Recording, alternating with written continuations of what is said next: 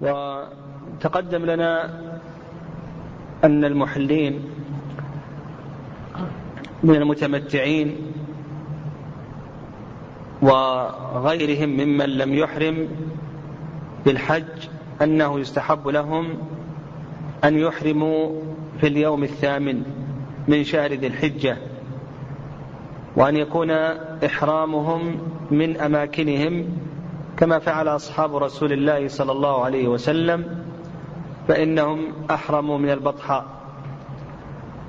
ويكون إحرامهم أيضا قبل الزوال.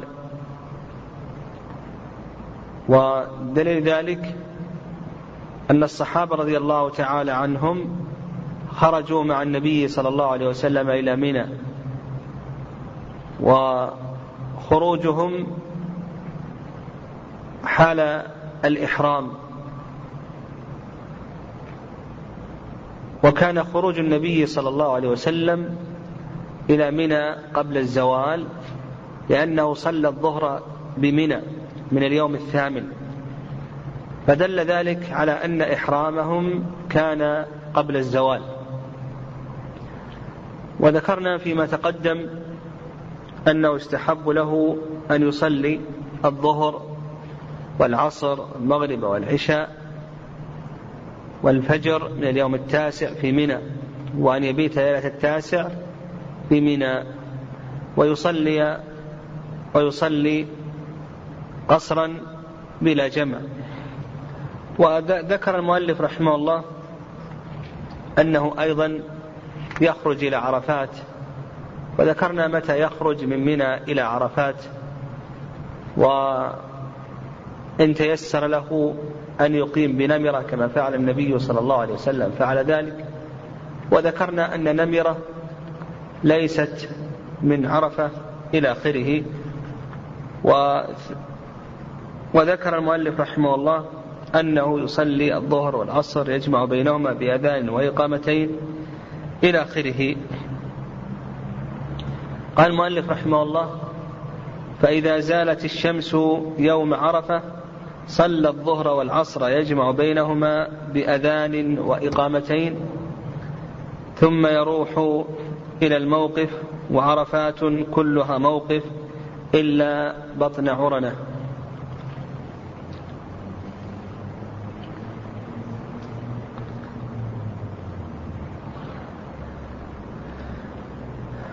آه، تقدم لنا متى يبدأ وقت الوقوف بعرفة؟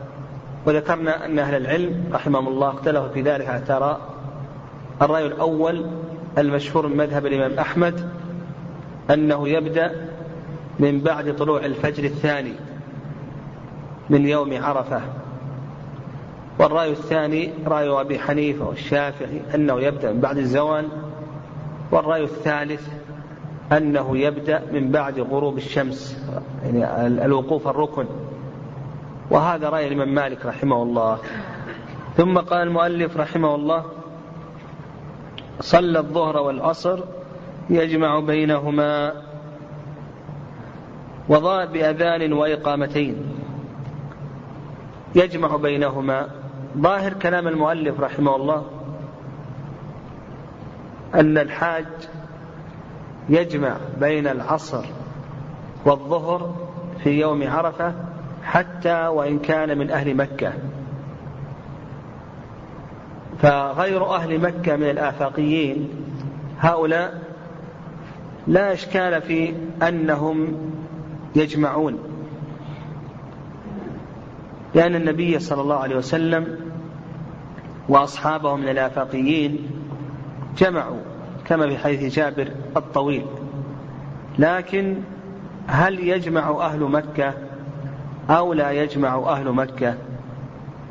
هذا موضع خلاف بين أهل العلم رحمهم الله. فالرأي الأول رأي مالك واختاره الشيخ الإسلام تيمية رحمه الله أن أهل مكة يجمعون ويقصرون كسائر الحجاج. والرأي الثاني رأي الحنابلة والشافعية أن أهل مكة لا يجمعون ولا يقصرون. والرأي الثالث رأي أبي حنيفة رحمه الله أنهم يجمعون ولا يقصرون. فالمسألة طرفان ووسط. مالك رحمه الله يقول بأنهم يجمعون ويقصرون. الشافعي وأحمد يقول بأنهم لا يجمعون ولا يقصرون. عند أبي حنيفة أنهم يجمعون ولا يقصرون. والصواب في هذه المسألة أنهم يجمعون ويقصرون كسائر الحجاج. أما كونهم يجمعون فأصح الأقوال في ذلك أن علة الجمع هي النسك. أصح الأقوال في علة الجمع. ما هي علة الجمع؟ يقول أصح الأقوال أن علة الجمع هي النسك لأن الحاج يحتاج إلى أن يجمع بين الظهر والعصر لكي يتصل الوقوف ويتفرق للدعاء والذكر والابتهال. فعلة الجمع هي النسك. وأما بالنسبة لعلة القصر فهي السفر. وأهل مكة إذا خرجوا من مكة إلى عرفات فإنهم يكونون مسافرين لأنه تقدم لنا أن شيخ الإسلام تيمية رحمه الله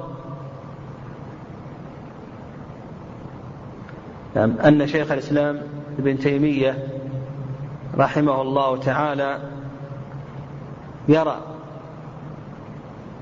أن المدة الطويلة في المسافة القصيرة سفر وأهل مكة يخرجون من مكة إلى عرفات. المسافة قصيرة لكن المدة طويلة لأنهم لن يرجعوا في نفس اليوم إلى أماكنهم بل سيذهبون بل سيذهبون إلى مزدلفة ثم بعد ذلك لا يرجعوا إلى أماكنهم إلا يوم العيد. فهذه مدة طويلة في مسافة قصيرة فحكمها حكم السفر. قال ثم يروح إلى الموقف وعرفات كلها موقف إلا بطن عرنة. عرفات كلها موقف إلا بطن عرنة لقول النبي عليه الصلاة والسلام وقفت ها هنا وعرفات كلها موقف وارفعوا عن بطن عرنة. فالوادي ليس محل وقوف. ليس محل وقوف شرعا. لأن الوادي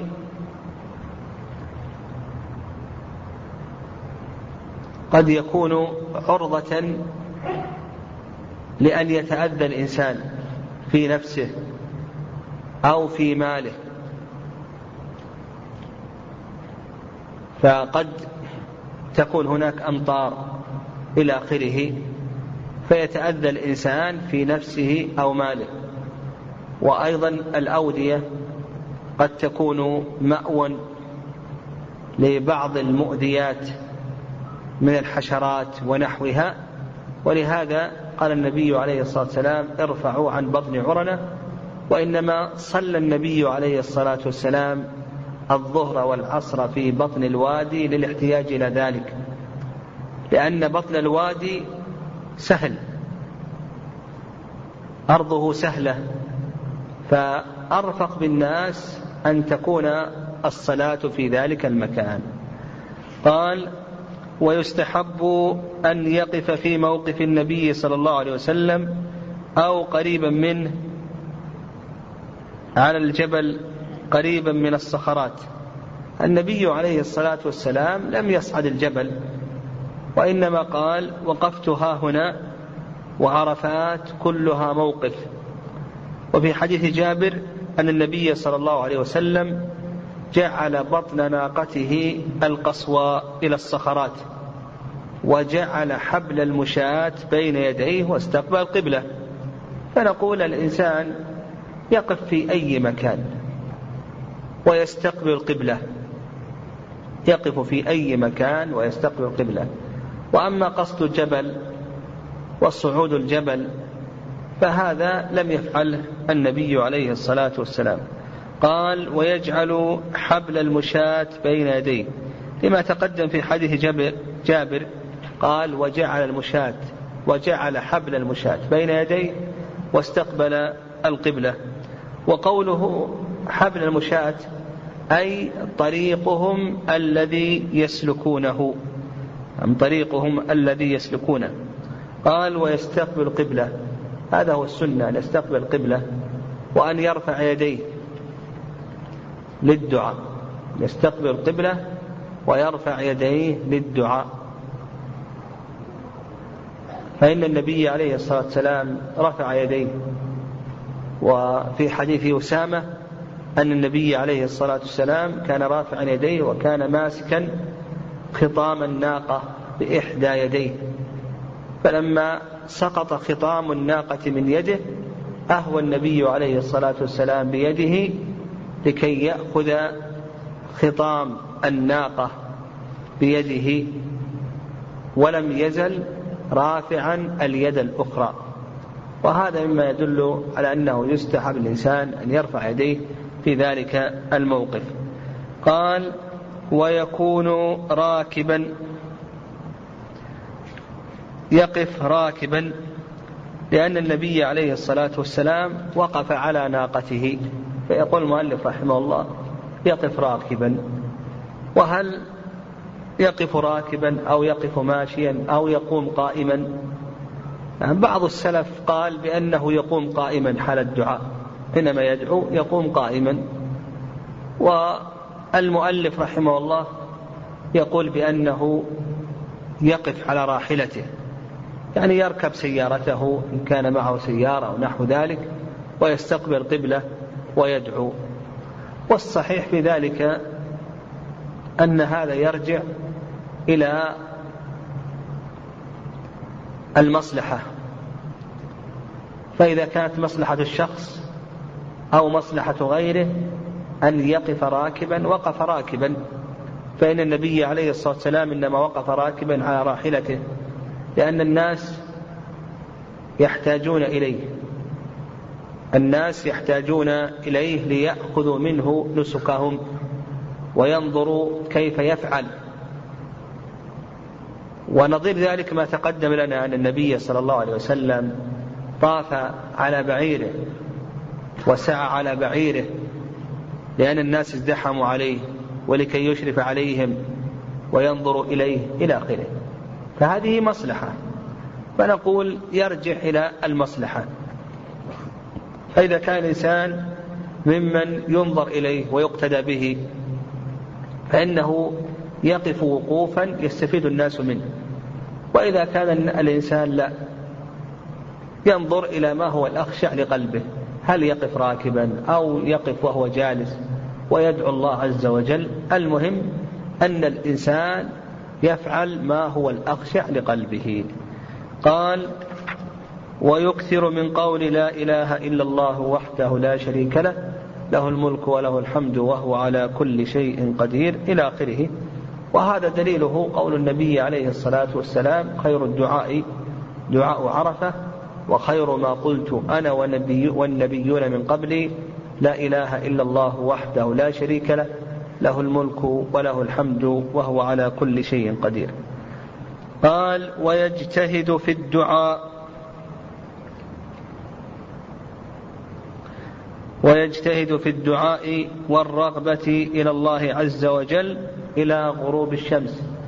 يجتهد في الدعاء ويكثر من الدعاء والذكر والقراءة ونحو ذلك فيما تقدم من حديث عبد الله بن عمرو أن النبي صلى الله عليه وسلم قال خير الدعاء دعاء عرفة وخير ما قلت أنا والنبيون من قبلي لا إله إلا الله وحده لا شريك له له الملك وله الحمد وهو على كل شيء قدير. وهذا الحديث أخرجه الإمام أحمد والترمذي. يعني أخرجه الإمام أحمد رحمه الله والترمذي.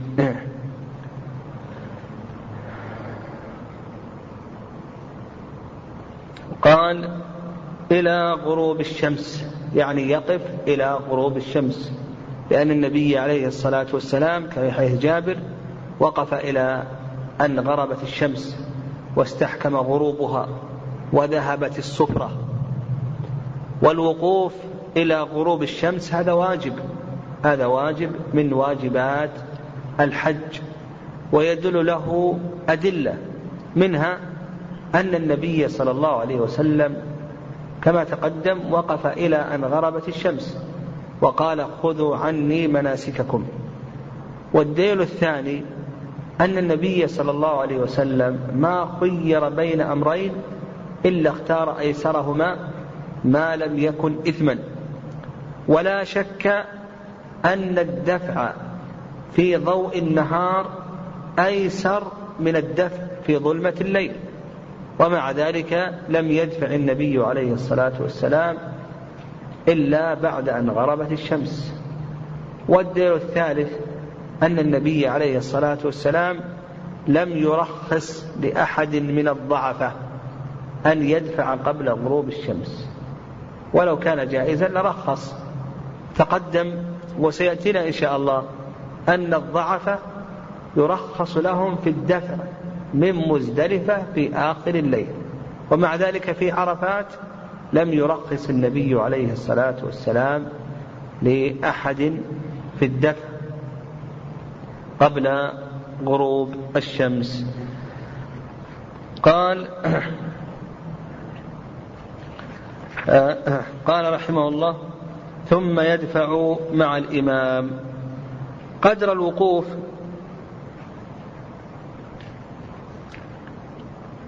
بعرفة لحظة واحدة. يعني إذا لا إذا وقف الإنسان بعرفة لحظة واحدة وهو أهل للوقوف فإنه تم حجه. يعني إذا وقف في وقت الوقوف لحظة واحدة وهو أهل للوقوف نقول بأن حجه قد تم. ومن هو أهل الوقوف؟ نقول أهل الوقوف هو المسلم المحرم بالحج العاقل.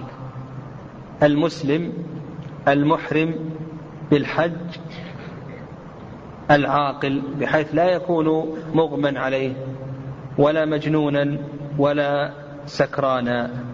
لا يكون مغمى عليه ولا مجنونا ولا سكرانا. ووقت الوقوف ينتهي بطلوع الفجر من من يوم النحر من اليوم العاشر. وهذا باتفاق الأئمة رحمهم الله أن وقت الوقوف ينتهي بطلوع الفجر من يوم النحر. قال رحمه الله ويدل له كما تقدم ذكرنا حديث عروة بن مضرس أن النبي صلى الله عليه وسلم قال من شهد صلاتنا هذه ووقف معنا حتى ندفع وقد وقف بعرفة ليلا أو نهارا فقد تم حجه وقضى تفثه. وأيضا حديث عبد الرحمن بن يعمر الديلي أن النبي صلى الله عليه وسلم قال من جاء عرفة ليلة جمع قبل الطلوع فقد أدرك. من جاء عرفة ليلة جمع قبل الطلوع فقد أدرك. وهذا أخرجه الإمام أحمد وأبو داود والترمذي والنسائي والماجه وغيرهم. قال رحمه الله ثم يدفع مع الإمام إلى مزدلفة على طريق المأزمين. طريق المأزمين تثنية مأزم وهو كل طريق ضيق بين جبلين.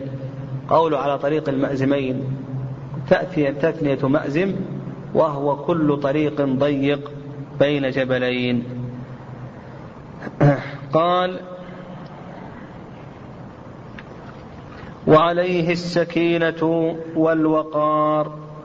وهذا دليل حيث ابن عباس رضي الله تعالى عنهما أن النبي صلى الله عليه وسلم قال في أثناء الدفع أيها الناس السكينة السكينة. فيدفع الإنسان بسكينة ووقار لكن إذا وجد فجوة فإنه يسرع. ويدل لهذا حديث أنس.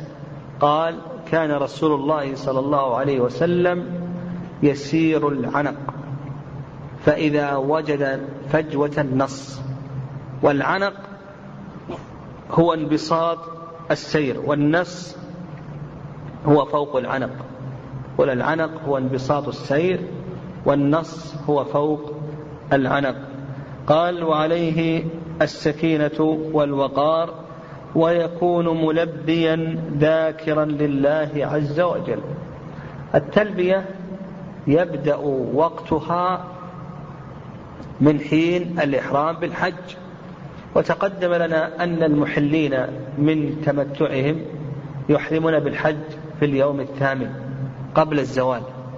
وكذلك أيضا من لم يحرم فإنه يستحب له أن يحرم في اليوم الثامن وتبدأ التلبية من اليوم الثامن. أما بالنسبة للمتمتع والقارن الذين أحرموا قبل اليوم الثامن فإنهم على تلبيتهم.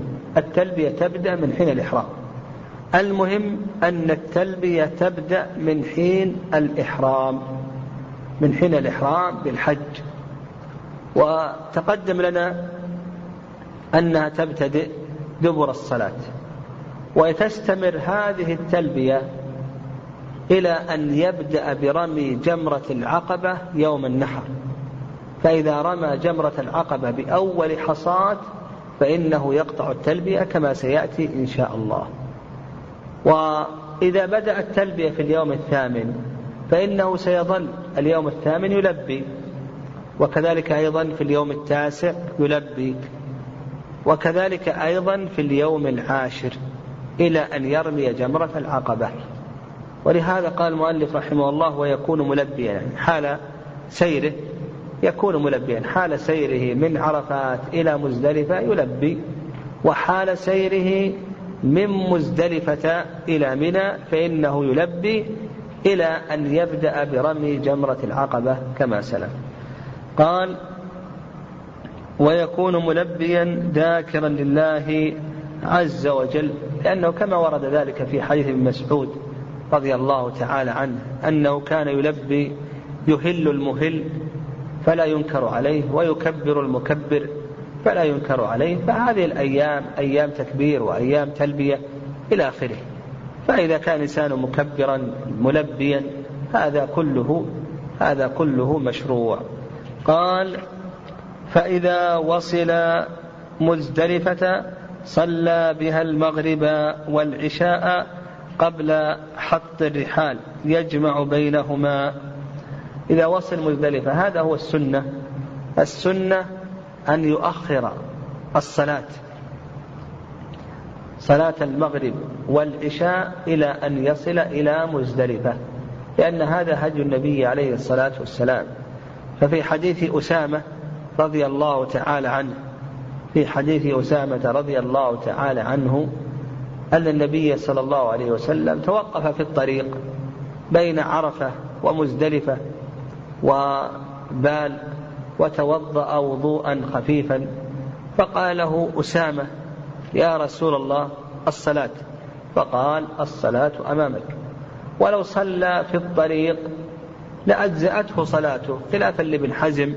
رحمه الله تعالى. الصحيح أنه إذا صلى أجزأته صلاته لكن هذا خلاف السنة. لكن إذا كان هناك زحام ويعرف الإنسان أنه لن يصل مزدلفة إلا بعد انتصاف الليل. يعرف أنه لن يصل إلى مزدلفة إلا بعد انتصاف الليل. ف فإننا نقول يجب عليه أن يصلي في الطريق ولا يجوز له أن يؤخر الصلاة حتى يخرج وقتها بل يصلي في الطريق على حسب حاله إن تمكن من النزول فإنه ينزل وإذا لم يتمكن من النزول فإنه يصلي على مركوبه حسب حاله. ويأتي بما يستطيع من الأركان والواجبات. فإذا استطاع أن يسجد سجد ولا أومى إذا استطاع أن يقف وقف إذا استطاع أن يركع ركع إذا لم يستطيع فإنه يصلي جالسا بالإيماء ولا يؤخر الصلاة عن وقتها. إذا وصل مزدلفة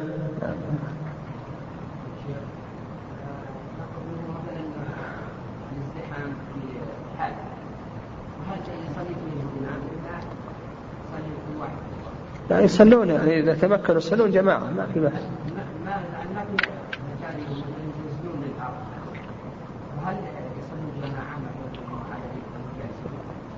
أي ما في بأس يصلون جماعة ما يضر نعم.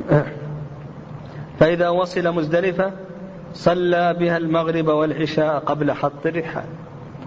إذا وصل إلى مزدلفة فإنه لا يخلو من أمرين.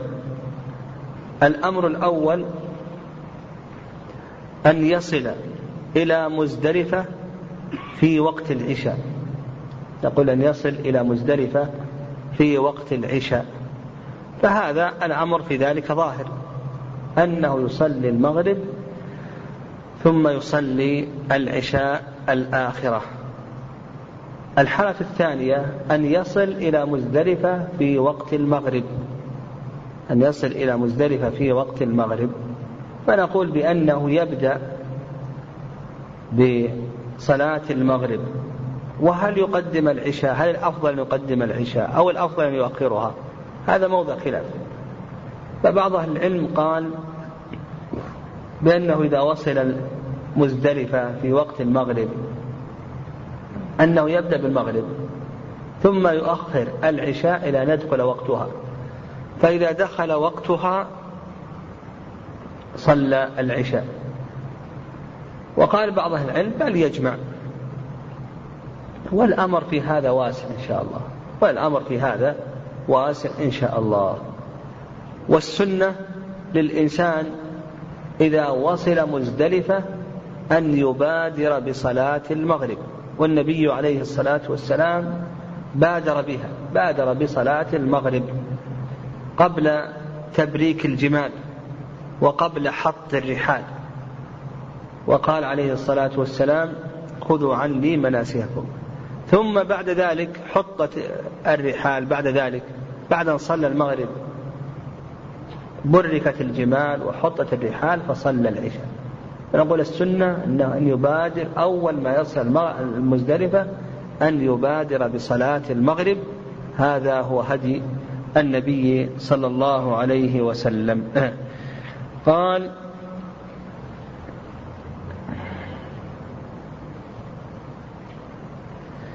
قال رحمه الله قبل حط الرحال.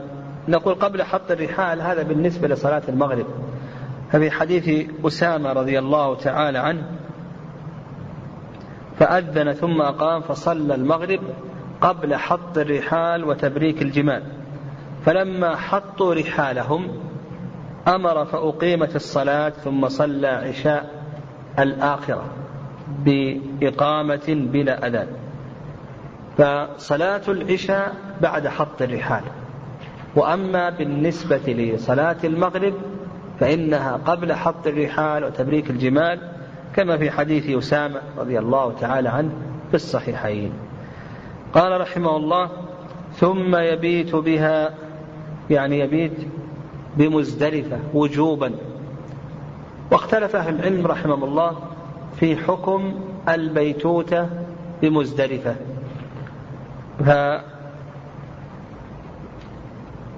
فالرأي الأول مشهور عند جمهور أهل العلم رحمهم الله أن البيتوتة بمزدلفة واجب من واجبات الحج. هذا عند جمهور أهل العلم. لكن الحنفية رحمهم الله قالوا بأنه لا يجب على الضعفة. الحنفية رحمهم الله يقولون لا يجب على الضعفة أن يبيتوا بمزدلفة. والرأي الثاني ذهب إليه بعض السلف مثل الحسن البصري والنخعي وغيرهم قالوا بأنه ركن بيتوتة بمزدلفة ركن من أركان الحج.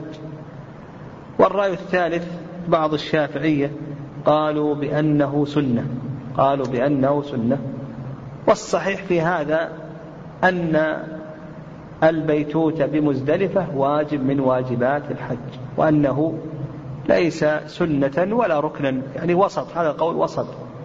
ويدل لهذا يدل لهذا أن النبي صلى الله عليه وسلم قال من شهد صلاتنا هذه ووقف معنا حتى ندفع. صلاتنا هذه ووقف معنا حتى ندفع.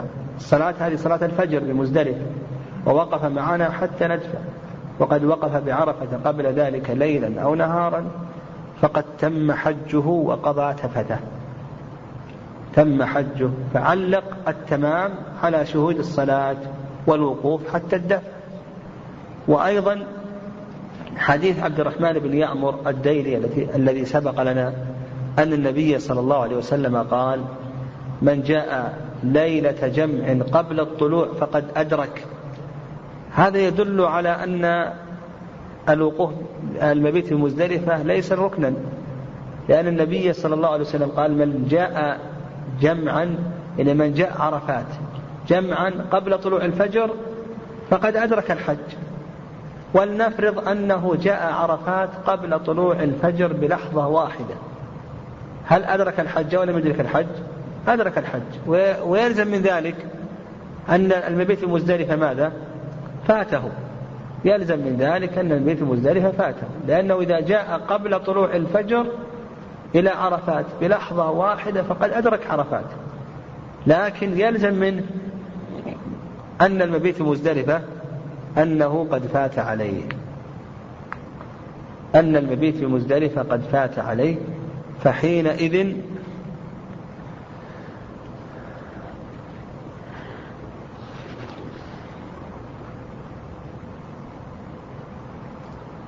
يلزم منها أن المبيت في مزدلفة قد فات عليه فحينئذ يدل هذا الحديث على أن المبيت في مزدلفة ليس ركنا ولو كان ركنا لما أدرك الحج. آه، آه، قال ثم يبيت بها ثم يصلي الفجر بغلس. ومتى يجوز له أن يدفع متى يجوز له أن يدفع قبل ذلك تقدم أن ذكرنا أن مدة البيتوتة بعرفات قدرها كم؟ أن أن مدة الوقوف بعرفة قدرها كم؟ لحظة واحدة. أيضا قدر البيتوتة بمزدلفة لحظة واحدة عند الحنابلة. قدر البيتوتة بمزدلفة على المشهور من المذهب أنها لحظة واحدة. إذا أتى بعد نصف الليل يعني عند الحنابلة والشافعية إذا أتى بعد نصف الليل يكفي لحظة واحدة ثم ينصرف إذا أتى قبل نصف الليل فيقولون لا بد أن يمكث إلى نصف الليل لحظة واحدة يعني إلى ما بعد نصف الليل بلحظة واحدة. ثم بعد ذلك له أن ينصرف فالمشهور من المذهب ومذهب الحنابلة أنه إن جاء بعد نصف الليل فيكفي لحظة. إن جاء قبل نصف الليل لا بد أن يبيت إلى أن ينتصف الليل. فإذا انتصف الليل بلحظة واحدة له أن ينصرف. وعندما وعند الحنفية رحمهم الله أنه لا بد أن يقف لحظة واحدة لكن بعد طلوع الفجر. يقولون بعد طلوع الفجر. وعند الإمام مالك رحمه الله تعالى عند الإمام مالك رحمه الله تعالى أنه قدر حط الرحال سواء كان في أول الليل أو في وسطه أو في آخره. قدر حط الرحل. قدر ما يحط الإنسان رحله. يعني إذا جاء مزدلفة ومضى قدر ما يحط رحلة سواء كان في أول الليل أو في وسطه أو في آخره سواء كان في أول الليل أو في وسطه أو في آخره فإن ذلك كاف ذلك كافي نعم. هذا بالنسبة لقدر الوقوف. طيب متى ينصرف الإنسان؟ متى يجوز له أن ينصرف؟ يقول الحاج لا يخلو من أمرين. الأمر الأول أن يكون من الأقوياء. الأمر الأول أن يكون من الأقوياء. والأمر الثاني أن يكون من الضعفاء فإن كان من الأقوياء فالمشهور من مذهب الإمام أحمد رحمه الله مذهب الشافعي أنه يجوز له أن ينصرف بعد نصف الليل. إذا انتصف الليل جاز له أن ينصرف. هذا مذهب أحمد والشافعي. وعند مالك إذا مضى قدر حط الرحل سواء في أول الليل أو في آخرها أو في وسط أو ينصرف. وعند أبي حنيفة بعد طلوع الفجر ينصرف. والأحوط بالنسبة للأقوياء أن يبقوا. الأحوط بالنسبة للأقوياء أن يبقوا. يعني السنة اللي وردت فيهم أن يبقوا كما بقي النبي صلى الله عليه وسلم. ويصلوا الفجر في مزدلفة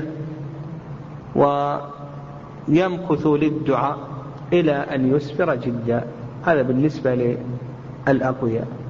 ولو انصرفوا قبل ذلك يعني خصوصا في مثل زمننا هذا في مثل زمننا هذا الذي يكون فيه الزحام إلى آخره يعني يكاد يكون الناس كلهم ضعفاء اليوم في وجود الزحام والمشقة. نحو ذلك لو انصرفوا يظهر أنه لا بأس لو انصرفوا قبل طلوع الفجر لكن الأحوط في حق الأقوياء أن يمكثوا. والأحوط في حق الأقوياء أن يمكثوا إلى طلوع الفجر ويصلوا الفجر بمزدلفة كما فعل النبي صلى الله عليه وسلم ويقف بها إلى الإسفار إلى آخره.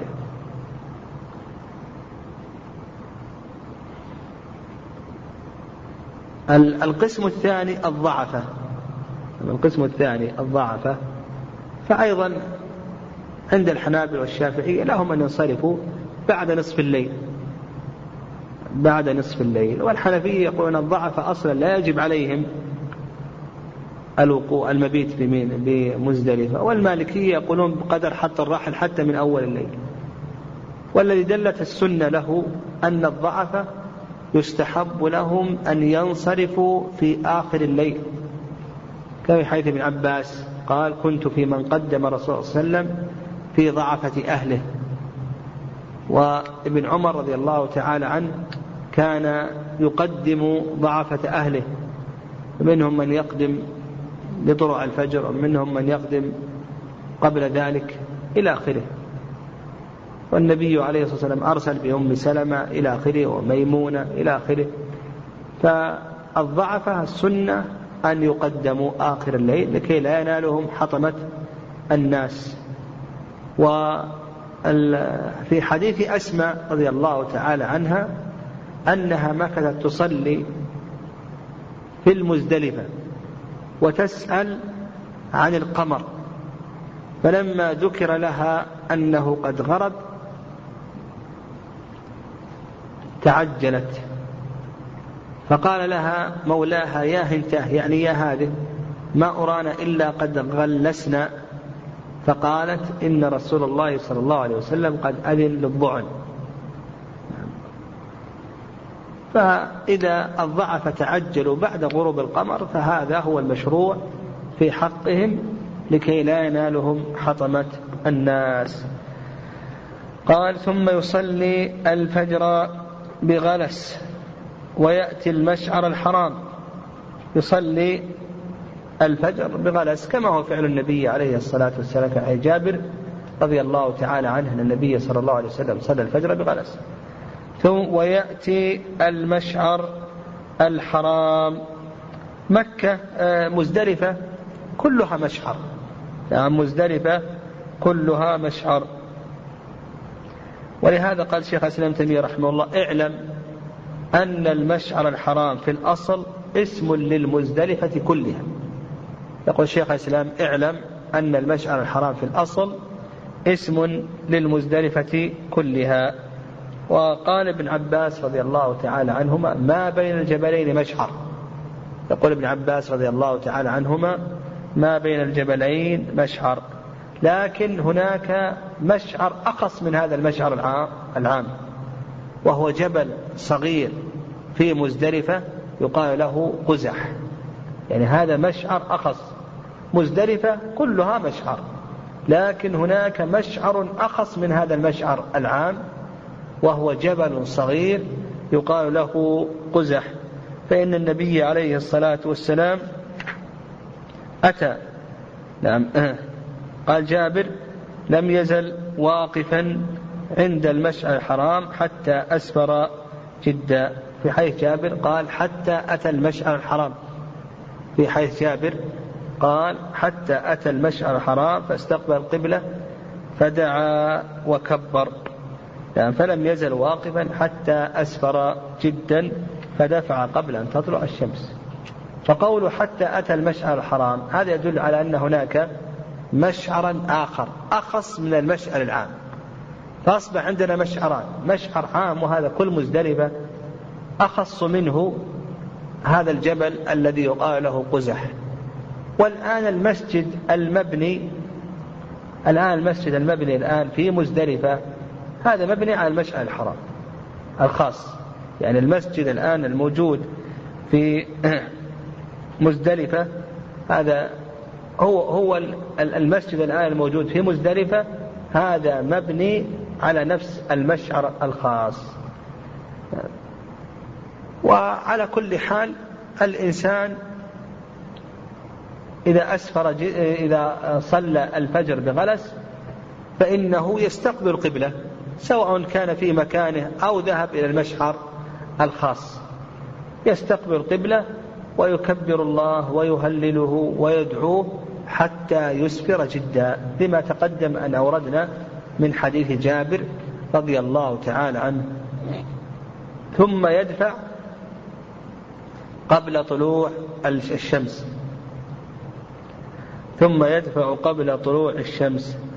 قال فإذا بلغ محسرا أسرع رمية حجر. فإذا بلغ محسر يعني وادي محسر يقول المؤلف رحمه الله أسرع رمية حجر. ودليل ذلك أن النبي صلى الله عليه وسلم لما أتى بطن محسر حرك قليلا. وهذا رواه جابر آه، آه، كما في صحيح مسلم. نعم. وما الحكمة من كونه يحرك؟ يعني إذا أتى بطن الوادي فإنه يسرع.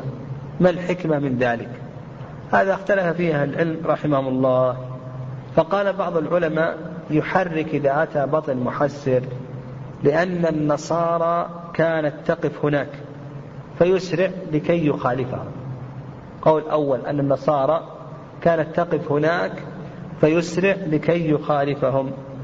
وقيل لأن هذا المحل هو محل إهلاك أصحاب الفيل الذين أتوا لهدم الكعبة. لكن هذا القول ضعيف لأن أصحاب الفيل لم يبلغوا الحرم لم يصلوا إلى الحرم. والقول الثالث نعم القول الثالث أن هذا المحل كانت تقفه الجاهلية ويذكرون فيه مناقبهم وأمجادهم وأحسابهم ومفاخرهم إلى آخره. ويدل لهذا قول الله عز وجل فإذا قضيتم مناسككم فاذكروا الله كذكركم آباءكم أو أشد ذكرا. فقال كذكركم آباءكم. وهذا القول هو أقرب الأقوال أن هذا مكان كانت تقف الجاهلية تذكر فيه مناقبها وأحسابها وأنسابها ونحو ذلك فقال الله عز وجل فإذا قضيتم مناسككم فاذكروا الله كذكركم آباءكم أو أشد ذكرا. قال فإذا بلغ محسرا أسرع قدر رمية حجر قال حتى يأتي منا فيبتدئ بجمرة العقبة فيرميها بسبع حصيات كحصى الخذف لم يذكر المؤلف رحمه الله من أي مكان يأخذ حصى الجمار. فنقول بأن حصى الجمار يأخذها من أي مكان. نعم من أي مكان وليس شرطا أن يأخذها من مزدلفة.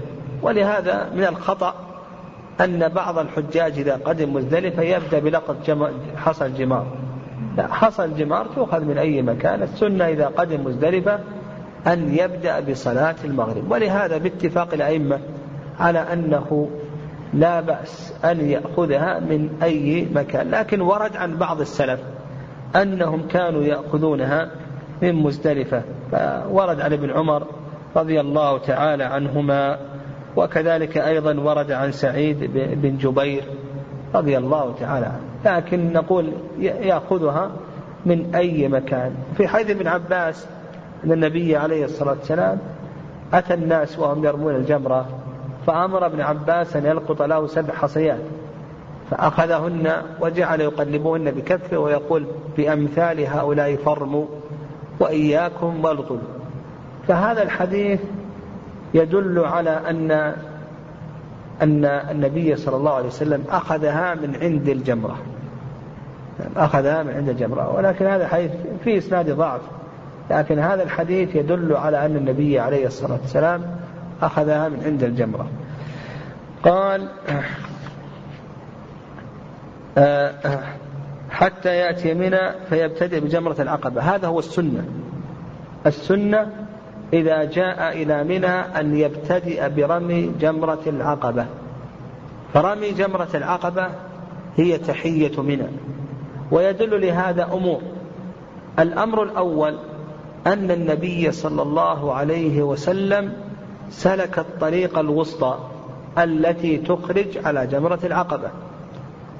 والدليل الثاني الدليل الثاني أن النبي صلى الله عليه وسلم رمى جمرة العقبة وهو على راحلته. لم ينزل النبي عليه الصلاة والسلام عن جمرة العقبة عن راحلته حتى رمى جمرة العقبة. والدليل الثالث أما الدليل الثالث أن النبي عليه الصلاة والسلام لم يعرج على شيء من رحله حتى رمى جمرة العقبة. فهذه ثلاثة أدلة. هذه ثلاثة أدلة تدل على أن السنة أن يبتدئ برمي جمرة العقبة. أول ما يبدأ إذا وصل منى أن يبدأ برمي جمرة العقبة إلى آخره.